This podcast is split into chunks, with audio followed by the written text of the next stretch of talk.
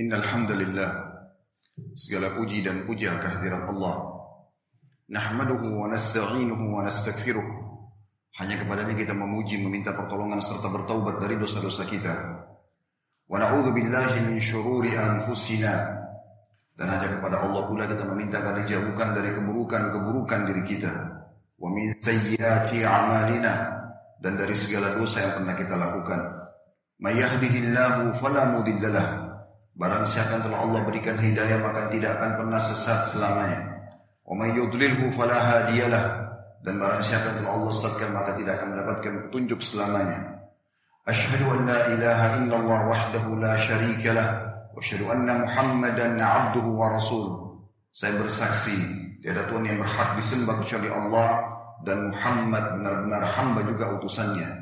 Qala Allah Ta'ala Allah mengingatkan dalam kitabnya يا أيها الذين آمنوا اتقوا الله حق تقاته ولا تموتن إلا وأنتم مسلمون Hai sekalian orang-orang yang beriman, bertakwalah, patuh dan tunduklah kepada satu-satunya pencipta segala sesuatunya, baik di langit, di bumi, di kedalaman lautan, terjangkau atau tidak terjangkau oleh mata manusia, yaitu Allah Subhanahu wa taala, sebenar-benar patuh dan tunduk dan janganlah kalian meninggal dunia kecuali dalam keadaan Islam. di ayat yang lain kalau Allah Taala, Ya ayuhan nasu taqu rabbakum alladhi khalaqakum min nafsin wahida wa khalaqa minha zawjaha wa batha minhuma rijalan katsiran wa nisaa wattaqullaha alladhi tasaaluna bihi wal arham innallaha kana 'alaikum raqiba. Hai sekalian manusia, sekali lagi bertakwalah, hanya patuh dan tunduklah kepada Allah yang telah menciptakan kalian dari jiwa yang satu yaitu Adam alaihissalam dan telah menciptakan dari jiwang satu istrinya Hawa alaihissalam dan telah banyak memberikan keturunan laki-laki juga perempuan dari keduanya. Sekali lagi bertakwalah kepada Allah dan jagalah hubungan silaturahim. Sesungguhnya Allah senantiasa mengawasi kalian.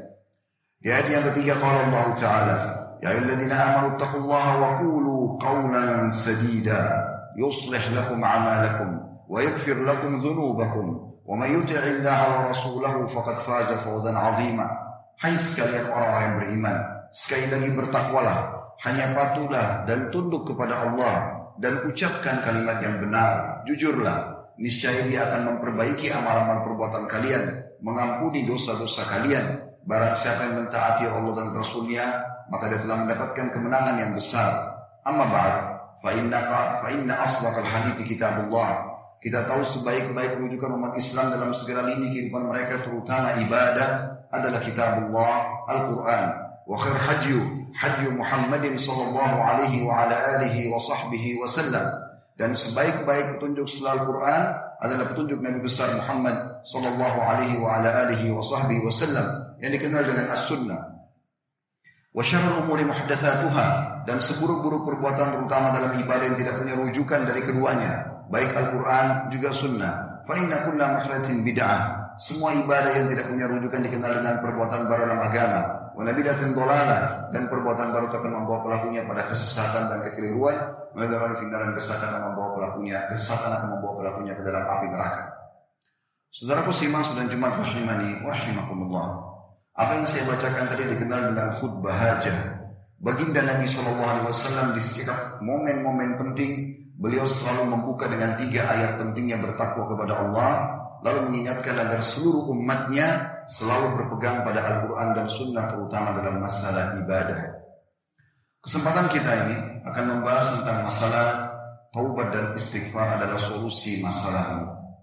Saudaraku si iman, fenomena demi fenomena alam terus saja diperlihatkan dan dipertontonkan oleh sang pencipta Allah di depan-depan kita, di depan mata kita, bahkan di negara Indonesia yang merupakan komunitas muslim terbesar.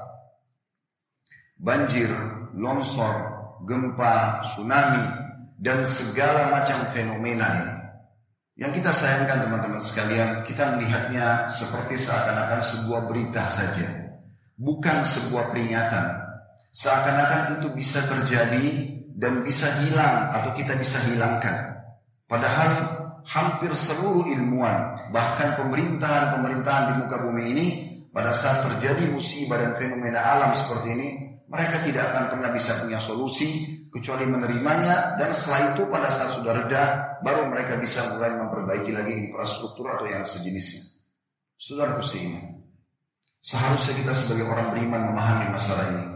Tidak akan mungkin terjadi sebuah musibah, apalagi merata kecuali ada masalah yang sudah kita lakukan dan terus menerus dalam pelanggaran tersebut. Rasionalnya, kalau Anda kerja di satu perusahaan, apakah masuk akal Anda tiba-tiba dikeluarkan, dipecat, atau misalnya diberikan sebuah surat peringatan atau SP biasanya disebutkan, tanpa Anda melakukan pelanggaran? Tentu secara akal sehat tidak mungkin. Pasti ada pelanggaran yang Anda lakukan. Kemudian diberikan surat peringatan pertama, tidak mau juga surat peringatan kedua, tidak mau juga surat peringatan ketiga. Sebagian perusahaan cuma sampai surat peringatan kedua, kemudian setelah itu di PHK. Banyak orang subhanallah, dia tunggu dulu surat peringatan itu datang, baru dia mau berhenti. Atau bahkan sudah di PHK baru dia menyesal. Kenapa harus seperti ini saudara semua? Kenapa kita tidak menjadi orang yang berprestasi saja? Orang baik-baik saja. Kenapa harus mencoba-coba pelanggaran? Sehingga kita kena ancaman-ancaman. Kenapa Anda tidak menjadi seorang pegawai berprestasi di perusahaan Anda yang mendapatkan semua bonus, semua gaji, semua fasilitas? hanya karena Anda berprestasi. Apa itu prestasi teman-teman? Taat dan patuh. Selama Anda taat dan patuh pada peraturan perusahaan, Anda tidak melakukan pelanggaran-pelanggaran, Anda akan dapat semua fasilitasnya. Ini contoh rasional. Itu lingkup kecil di sekitar Anda. Bagaimana kalau kita bicara lingkup lebih besar, fenomena alam. Sebagai orang beriman kita tahu landasan agama kita, la ilaha illallah, la ma'budu bihaqqin illallah. Tidak ada Tuhan pencipta, pemilik, penguasa yang menghidupkan, yang mematikan, memberikan rezeki kecuali Allah. Itu konsep dasar agama kita dari kecil kita ditanamkan masalah itu. Kita hidup, mati semua untuk kalimat ini. Dan bahkan orang kalau mau masuk Islam mengucapkan kalimat ini. Dakwah Nabi Muhammad SAW 13 tahun di Mekah. 10 tahun pertama belum ada perintah apa-apa, belum ada jihad, belum ada puasa, belum ada zakat, perintah sholat lima waktu kejadian Isra Mi'raj di tahun ke-11 dari masa kenabian. Lalu apa isi dakwah Nabi SAW 10 tahun itu? Menetapkan tentang memahami makna la ilaha illallah. Jangan bergantung pada benda-benda mati seperti pohon. Jangan lagi makan bangkai. Jangan lagi melakukan ini dan itu. Diingatkan oleh Nabi SAW sehingga ayat-ayat makiyah, surah-surah makiyah yang turun di Mekah umumnya berisikan tentang peringatan agar bertauhid kepada Allah dan menjauhkan semua pelanggaran seperti ini. Supaya manusia yang nanti beriman lahir seperti figur Abu Bakar, Umar dan sahabat-sahabat Nabi yang lain. Ridwanullah alaihim. Orang-orang yang terkenal dengan keimanan dan juga ketauhidannya itu tertanam benar sehingga mereka tidak berani sama sekali untuk melakukan pelanggaran-pelanggaran karena tahu akan terjadi fenomena-fenomena yang besar. Allah berfirman dalam surah Hud disebutkan di ayat 117-nya A'udzu billahi minasyaitonir rajim. Wa ma kana rabbuka liyuhlikal qura bidzulmin wa ahluha muslihun. Hai Muhammad, sampaikan kepada seluruh manusia, bahkan umat orang-orang beriman, bahwasanya Tuhanmu tidak akan pernah membinasakan satu negeri sementara penduduknya berbuat kebaikan. Apa artinya? Berarti fenomena-fenomena yang datang saudara kusiman ada sebab. Dan kita kalau menjadi orang yang cerdas, ambil pelajaran dari masalah itu. Saya akan coba bacakan beberapa ayat Coba teman-teman tadaburi ayat ini sehingga kita sadar atau lebih menyadari bahwasanya semua ini sebabnya adalah dari kita sendiri. Dan kalau kita tidak menyadari akan datang peringatan-peringatan yang lebih besar lagi. Kata para ulama, seorang pencuri atau maling sebelum mencuri, Allah akan kirim kepada dia sinyal rasa takut. Sebelum berzina, Allah kasih dia sinyal supaya takut takut ke hotel, takut ketahuan, takut begini, itu sinyal. Kalau dia berhenti dia akan selamat. Tapi karena tetap saja dia terabas dan melakukan pelanggaran, Allah datangkan sinyal yang kedua, ketahuan oleh orang. Mungkin dia pada saat masuk hotel ketahuan oleh tetangganya, mungkin dia ditelepon oleh pasangannya, mungkin ini dan itu, atau pada saat dia mau mencuri kelihatan oleh orang, tapi masih bisa lolos. Kalau dia berhenti di peringatan yang kedua, dia akan selamat. Dia bertobat dan istighfar. Tapi tidak. Ada orang merasa, oh saya kan belum kutangkap. Dia ulang yang ketiga. Allah datangkan peringatan yang ketiga. Ditangkap oleh masyarakat, digebukin, sampai bisa meninggal dunia. Kenapa harus tunggu cobaan-cobaan berat seperti ini datang baru mau berhenti?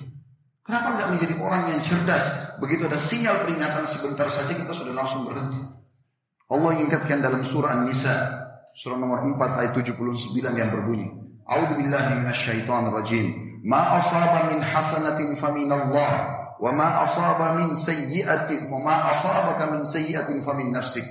Artinya, apa saja nikmat yang kau peroleh, kesehatan, kekuatan, semua yang kita bisa miliki makanan, minuman, ada pasangan halal bisa melakukan biologis yang halal, apa saja, anak, tempat tinggal dan seterusnya, semua dari Allah. Dan apa saja bencana yang menimpamu, maka dari kesalahan dirimu sendiri. Imam Qatada rahimahullah mengatakan, yang dimaksud dengan ayat ini adalah disebutkan oleh Ibnu dalam tafsir beliau sebagai hukuman bagimu wahai anak Adam disebabkan karena dosamu. Juga ditegaskan oleh Allah Subhanahu wa dalam ayat lain, surah Asy-Syura, surah nomor 42 ayat 30 yang berbunyi, A'udzu billahi minasyaitonir rajim. Wa ma asabakum min musibatin fabima kasabat fabima kasabat aydikum wa ya'fu an katsir. Apa saja musibah yang menimpa kamu, kecil saja, kaki kita jalan ke sentuh batu, ke seleo, apalah yang berhubungan dengan kita pribadi atau hal yang lebih besar Hal yang lebih besar misalnya terjadinya fenomena alam tadi. Maka apa pun musibah yang menimpa kamu adalah disebabkan oleh perbuatan tanganmu sendiri dan Allah memaafkan sebagian besar. Ibnu Katsir mengatakan makna ayat ini surah Asy-Syura ayat 30 adalah musibah-musibah apa saja menimpa kamu wahai anak Adam hanyalah karena keburukan-keburukan yang telah kamu lakukan dan Allah memaafkan sebagian besar dari kesalahan-kesalahan sehingga dia tidak membalas kesalahan-kesalahan kamu, bahkan dia memaafkan. Saya tidak bisa bayangkan teman-teman kalau seandainya Allah murka sepenuhnya seperti apa musibah yang datang. Sedikit gempa menghancurkan sekian ratus rumah, sekian ribu rumah, longsor menghancurkan satu perkampungan, satu perdesaan, satu kota. Kenapa harus menunggu ini semua terjadi? Juga dalam firman Allah Subhanahu wa taala dalam surah Ar-Rum surah nomor 30 ayat 41 Allah juga mengingatkan A'udzu billahi minasyaitonir rajim. Zaharal fasadu fil barri wal bahr bima kasabat aydin nas. Sesungguhnya tampak kerusakan di darat dan di laut disebabkan karena perbuatan manusia. Ibnu Katsir juga mengatakan dalam tafsir beliau akan terjadi kekurangan pada tanaman, buah-buahan disebabkan karena kemaksiatan. Abu Ali yang mengatakan barang siapa yang bermaksiat kepada Allah Subhanahu wa taala di muka bumi maka ia telah berbuat kerusakan di muka bumi karena kemakmuran bumi dari langit adalah karena ketaatan. Artinya datangnya semua rezeki ini karena taatnya penduduk bumi. Kapan ada satu yang melanggar saja sudah cukup untuk mengorek permasalahan dari langit sana atau dari Allah Subhanahu wa taala. Apalagi kalau banyak orang melakukan, apalagi kalau sampai dilegalkan. Sebaliknya, Andai saja kita menjaga diri kita dari pelanggaran-pelanggaran tersebut, kita saling mengingatkan satu warga masjid begini, satu kompleks seperti ini, satu RT, RW, terus lurah, camat, sampai ke wilayah-wilayah, bahkan sampai ke jenjang tertinggi, pimpinan tertinggi di negara kita. Itu saling mengingatkan agar jangan sampai terjadi pelanggaran. Toh juga memang pelanggaran agamanya semuanya buruk, teman-teman sekalian. Yang agama larang itu semuanya buruk bohong, menipu, mengganggu orang, menggunjing, memfitnah, mencuri, semua buruk. Semua yang agama suruh baik. Jujur, amanah, tanggung jawab, berbakti, berbagi. Semuanya agama perintahkan baik. Maka kita disuruh jadi orang baik. Kalau kita saling memberikan peringatan apa janji Allah Subhanahu wa taala sehingga tidak terjadi kemaksiatan. Dalam surah Al-A'raf surah nomor 7 ayat 96 Allah SWT berfirman dari 1400 tahun lalu turun ayat ini di tangan Nabi SAW terima oleh Nabi SAW dan akan terus ditilawakan oleh orang beriman sampai hari kiamat. A'udzu billahi minasyaitonir rajim. Walau anna ahlal qura amanu wattaqau lafatahna 'alaihim barakatin minas samai wal ard walakin kadzabu fa akhadnahum bima kanu yaksibun. Jikalau sekiranya penduduk negeri-negeri beriman dan bertakwa, pastilah kami akan melimpahkan kepada mereka berkah dari langit dan bumi tapi mereka mendustakan ayat-ayat kami, maka kami siksa mereka disebabkan perbuatan mereka. Ini tiga buah ayat dalam Al-Quran, tentu masih banyak yang lainnya, karena khutbah Jumat saya ringkaskan. Kita dengarkan hadis Nabi alaihi salatu wassalam. Bagaimana Nabi SAW memperingatkan masalah ini. Dalam hadis yang sahih, disahihkan oleh Al-Ban dalam silsilah hadis sahihah, ini diriwayatkan oleh Abu Nuaim dalam Hilatil Aulia Yang berbunyi kata Nabi SAW, Al-masaibu wal amradu wal ahzanu fid dunya jaza. Yang artinya, semua musibah-musibah, penyakit-penyakit, kesusahan-kesusahan di dunia merupakan balasan dari dosa-dosa. Juga dalam hadis yang kedua, kata Nabi SAW, La yusibu rajulun hudshun udin khudshun atau khadshun udin wala atharatun qada wala atharatu qadamin wala ikhtilaju irqin illa bidzambin wa ma Allah akthar. Tidaklah sepotong kayu melukai seseorang. Teman-teman lagi jalan ketusuk dengan potongan kayu atau kesangguk atau dijatuhi potongan ranting pohon pun atau tergelincir telapak kakinya atau terkilir uratnya kecuali dengan sebab dosa dan apa yang Allah maafkan lebih banyak daripada itu. Hadis ini sahih diriwayatkan Ibnu Jarir dalam Jami'us Sahih As-Saghir. Hadis yang ketiga adalah sabda Nabi Shallallahu Alaihi Wasallam. Ini peringatan yang luar biasa yang harus dijadikan sebagai pegangan oleh kaum muslimin. Saya langsung bacakan saja terjemahnya karena hadisnya cukup panjang. Yang berbunyi, kata Nabi SAW, wahai orang-orang muhajirin, Maksudnya penduduk Mekah yang sempat hijrah di Madinah tentu peringatan buat kita semua juga. Kata beliau ada lima perkara, jika kamu ditimpa lima perkara ini, aku memohon perlindungan kepada Allah agar jangan sampai kalian mendapatinya. Ini akan menjadi masalah besar buat kalian. Yang pertama, kata Nabi SAW, tidaklah perbuatan keji seperti contohnya bakhil, zina, minum khamar, judi, merampok, semua yang memang juga di pemerintahan kita dan pemerintahan negara-negara lain dianggap kriminal. Dalam agama memang sudah dianggap juga kriminal, pelanggaran. Dikatakan dilakukan pada suatu masyarakat, perbuatan-perbuatan tersebut dilakukan di satu masyarakat secara terang-terangan, kecuali akan tersebar wabah penyakit dan penyakit-penyakit lainnya yang tidak ada pada orang-orang telah lewat terdahulu. Mana pernah kita dengar kisah umat dulu ada coronanya? Mana kita pernah dengar ada virus ini, bakteri itu? Tidak pernah kita kenal di kisah-kisah masyarakat dahulu. Kenapa bisa ada di masa kita? Nabi SAW, kiai dan guru kita sudah memberikan kita bocorannya. Karena perbuatan keji merajalela. Sampai seakan-akan anak-anak muda kalau melakukan perzinahan atau pergaulan bebas di pinggir jalan tidak malu lagi bagi mereka kayak bukan pelanggaran. Yang lebih unik orang di sebelahnya lewat ya sudah dia berbuat terserah dia. Oh itu modern. Oh itu memang anak muda.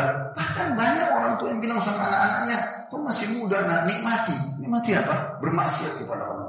Suruh berzina, suruh pacaran, suruh minum khabar. Nanti kalau sudah di penjara baru menyesal orang tuanya. Kok aneh benar? Bagaimana bisa seseorang antara kita bapak-bapak sini saya ingin sentuh sedikit kecemburuannya. Anda bisa ridho seorang anak laki-laki datang menjemput anak perempuan Anda, pamit om, pamit paman, jemput. Mau diapakan anak perempuan Anda? Dibawa jalan, lalu tidak terjadi perzinahan?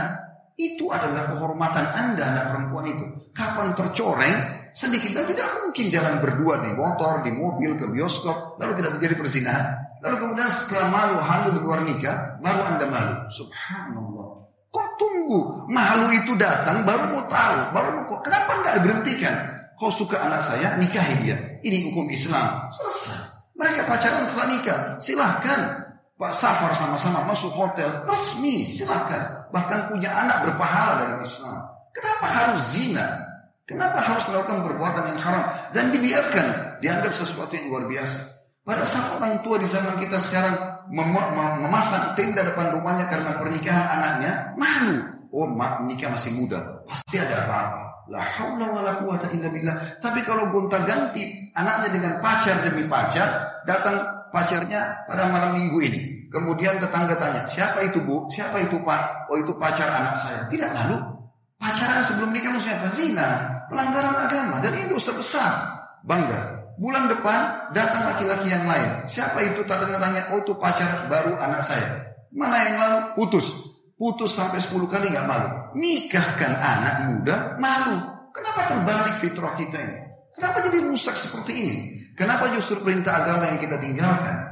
Kenapa justru pelanggaran yang kita dahulukan? Padahal ini bisa mendatangkan musibah yang luar biasa. Kemudian kata Nabi SAW itu wasiat yang pertama. Yang kedua kata beliau, tidaklah mereka mengurangi takaran, curang di timbangan. Kecuali mereka akan disiksa dengan peceklik kehidupan susah dan kezaliman pemerintah. Ini sabda Nabi. Ini pelanggaran terjadi.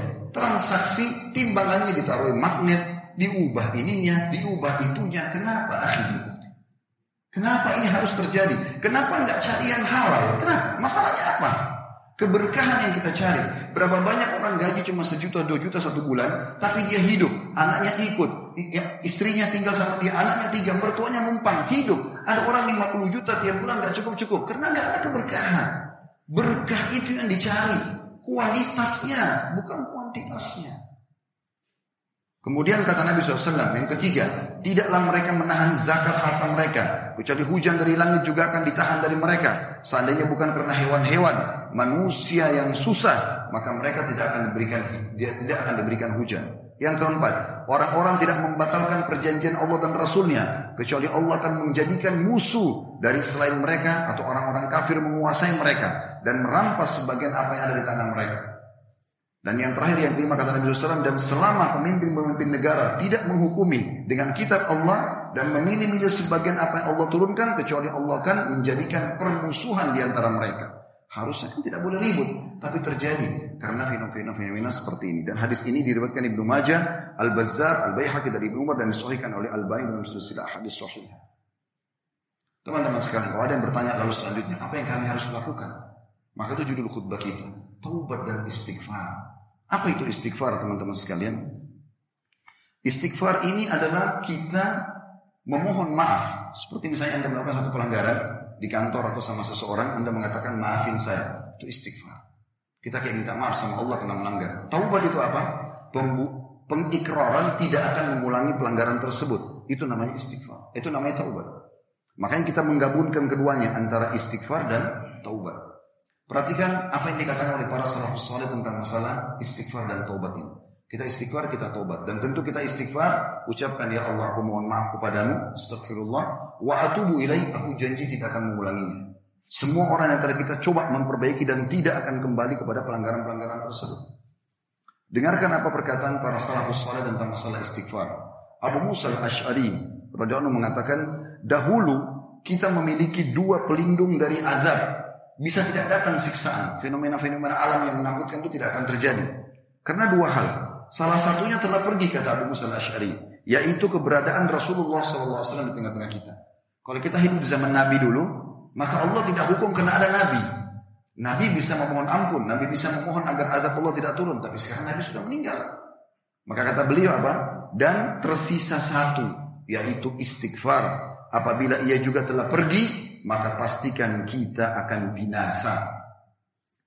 Rabi ibn Husain rahimahullah seorang tabiin mengatakan merendahlah kalian kepada Rob kalian, berdoalah kepadanya di kala senggang dan Allah telah berfirman dalam hadis qudsi, "Man da'ani fir rakhai ajabtuhu fi syiddah." Siapa yang berdoa padaku di waktu lapang, bapak-bapak di sini lagi sehat, lagi pekerjaan ada, rumah ada, mobil ada, istri ada, anak ada.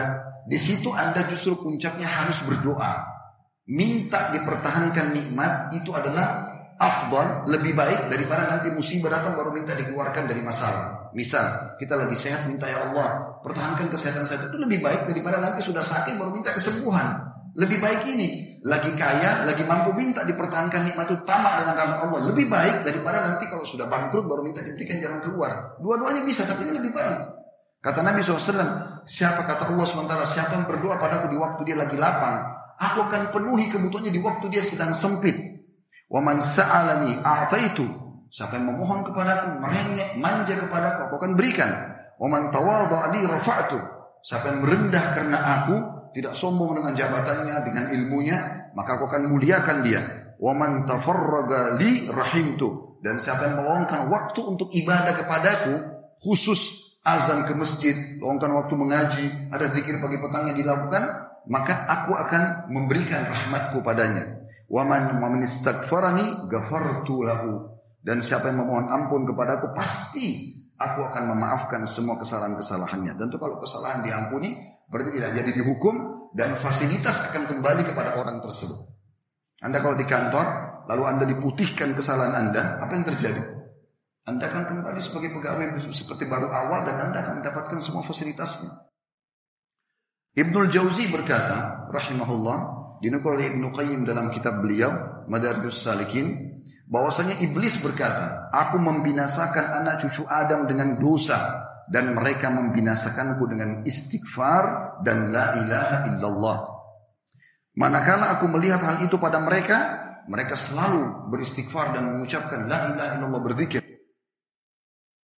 Tuhan tempat bergantung, memohon, takut, cinta kecuali Allah, maka aku tanamkan pada diri mereka hawa nafsu pada mereka, di mana mereka berbuat dosa tapi mereka tidak beristighfar karena mereka mengira diri mereka telah berbuat baik. Kata ada mengatakan rahimahullah, Al-Quran menunjukkan kalian penyakit dan obat dari penyakit kalian itu. Penyakit kalian adalah dosa dan penyembuhannya adalah istighfar. Ali radhiyallahu anhu berkata sahabat Nabi yang mulia, yang aneh adalah orang binasa padahal keselamatan ada bersamanya. Lalu ditanya kepada beliau, apa keselamatan yang Anda maksudkan? Kata Ali radhiyallahu istighfar. Itu keselamatan bersama dia. Dan beliau juga mengatakan, tidaklah seorang hamba diilhami oleh Allah Subhanahu wa taala untuk beristighfar. Lisannya mengatakan astagfirullah, kemudian Allah mau mengazabnya. Tidak mungkin terjadi. Dan subhanallah, ibadah zikir istighfar ini teman-teman sekalian adalah ibadah yang paling ringan. Enggak ada gerakan anggota tubuh, kecuali lisan kita. Sambil tidur, sambil duduk, sambil di motor, sambil di mobil, sambil bekerja, sambil belanja. Apa susahnya? Astagfirullah wa atubu Kembali kepada Allah subhanahu wa ta'ala. Menjadi orang soleh, orang patuh itu enak. Kita jujur, amanah, tanggung jawab, dipercaya, disuka sama orang, disuka juga oleh Allah. Kenapa harus menjadi pembohong, penipu, pelaku kriminal, kenapa harus merusak nama kita dan juga jauh dari fasilitas Allah Subhanahu wa taala? Bukan cuma itu teman-teman. Kalau dia merajalela kesalahan itu akan merata, semua kita akan kena. Kemudian berkata juga Luqman Al-Hakim. Surah Luqman yang Anda sudah tahu dalam Al-Quran. Orang ini terkenal sekali Al-Hakim. Sangat bijaksana. Dinukil dalam sebuah perkataan beliau berkata pada anaknya, Wahai anakku, Allah memiliki beberapa waktu tidak ditolak. Seperti pada saat hujan turun antara azan ikoma, azan dan ikoma sepertiga malam. Ada Allah ijabah doa-doa orang. Apa kata Luqman? Bukan dia bilang, hai anakku minta hajatmu. Dia mengatakan, maka pada saat itu perbanyak istighfar. Karena dengan dimaafkan, semua akan dapat fasilitas. Anda tahu waktu Nabi Adam alaihissalam dikeluarkan dari surga. Kan melanggar. Tidak boleh makan buah lalu dia langgar. Apa yang terjadi? Nabi Adam minta dikembalikan ke surga.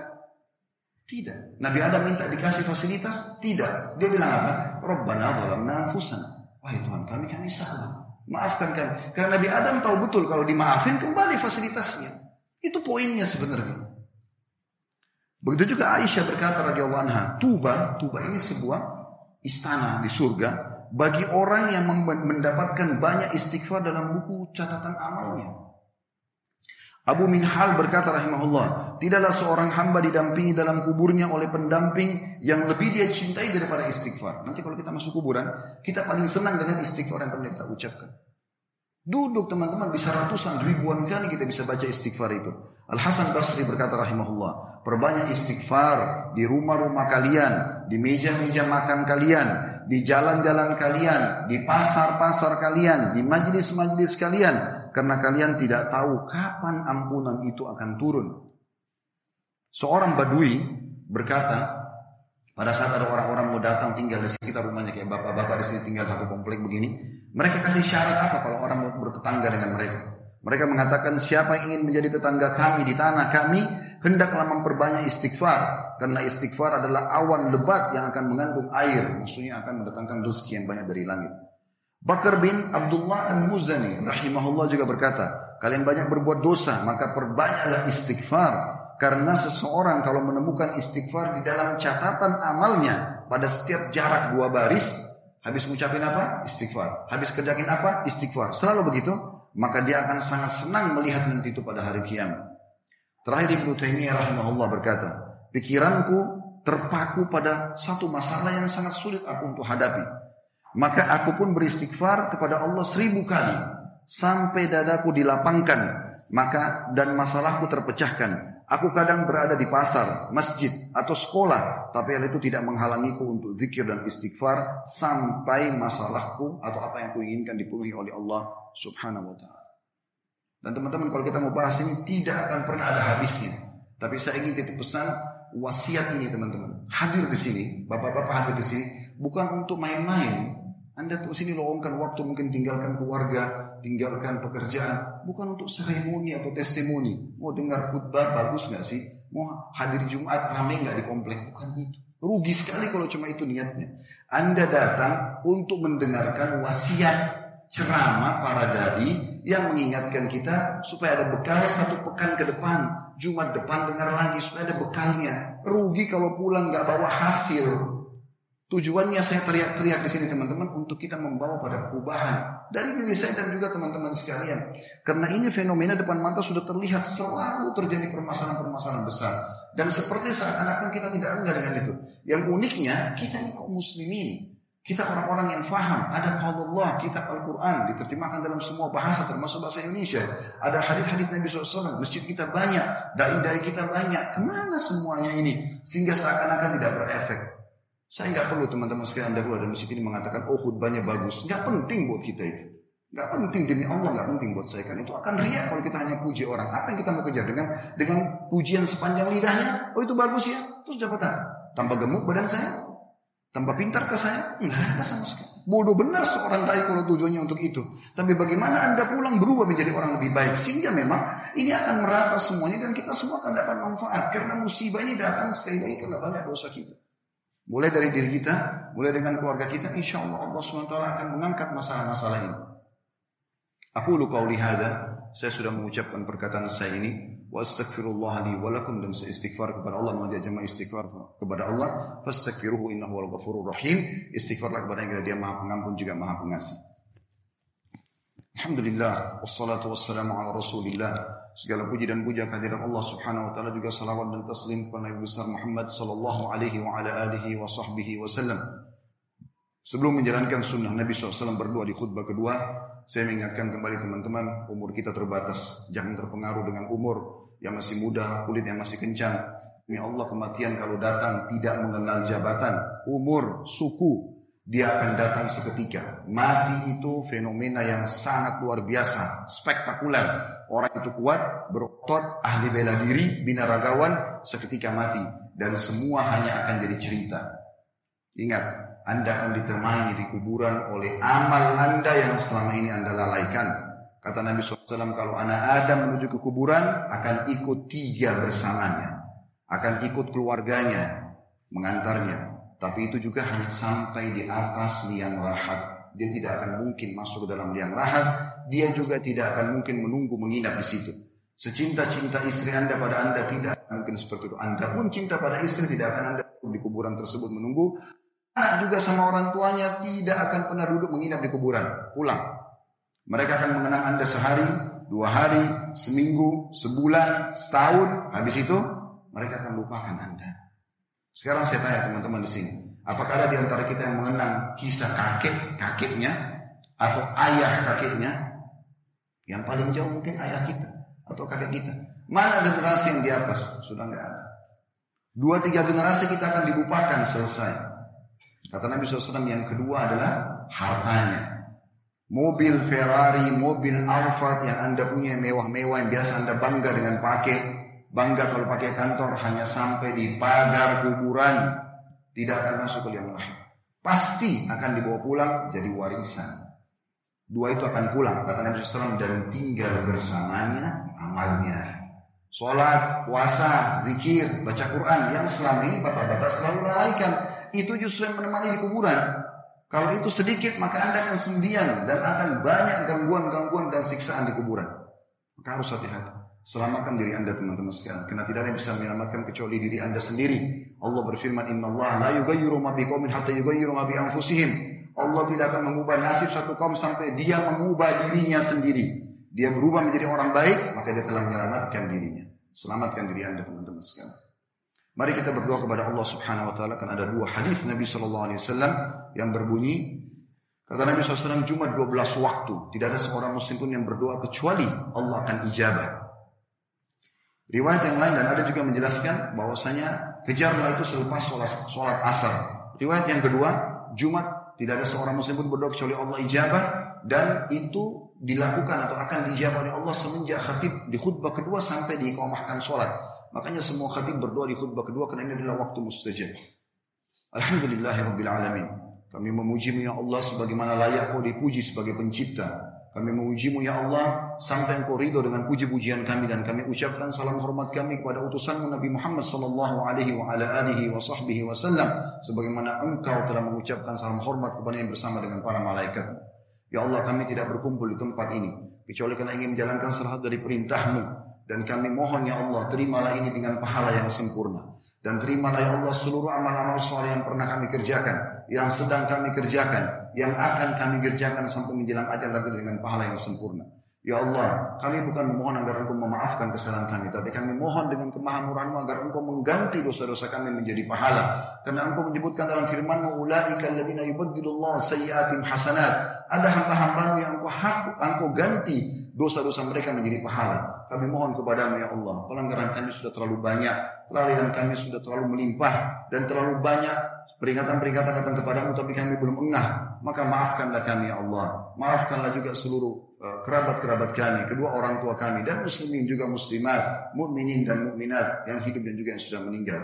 Ya Allah jadikan negara kami Indonesia negara yang aman, tentram, damai, seluruh umat, seluruh umat Islam di bawah naungan ukhuwah Islamiyah. Angkat persensian di antara mereka. Satukan kami di bawah Al-Quran dan Sunnah. Kembalikan kami dalam ibadah kepada Al-Quran dan Sunnah. Karuniahilah untuk kami, para pemimpin kami, semua tidak terkecuali Allah keimanan, ketakwaan kepadamu, kembali kepada syariatmu, sehingga kami selalu mendapatkan rahmatmu. Lunasilah utang negara kami semudah-mudahnya. Dan ya Allah, siapa pun menginginkan keburukan buat kami, buat negeri kami, buat agama kami, kembalikan tipu daya mereka kepada diri mereka sendiri. Ya Allah, tolonglah saudara kami di Palestina, di Syria, di Yaman, di Irak, di Myanmar, di Ahsa, di mana pun mereka berada yang sedang tertindas, ikhlaskan niat mereka. Terima para syuhada mereka. Mulakan Islam di tangan mereka dan tangan kami semua. Serta ikut sertakan kami bersama mereka di pahala. Baik dengan doa, dengan harta juga dengan jiwa kami.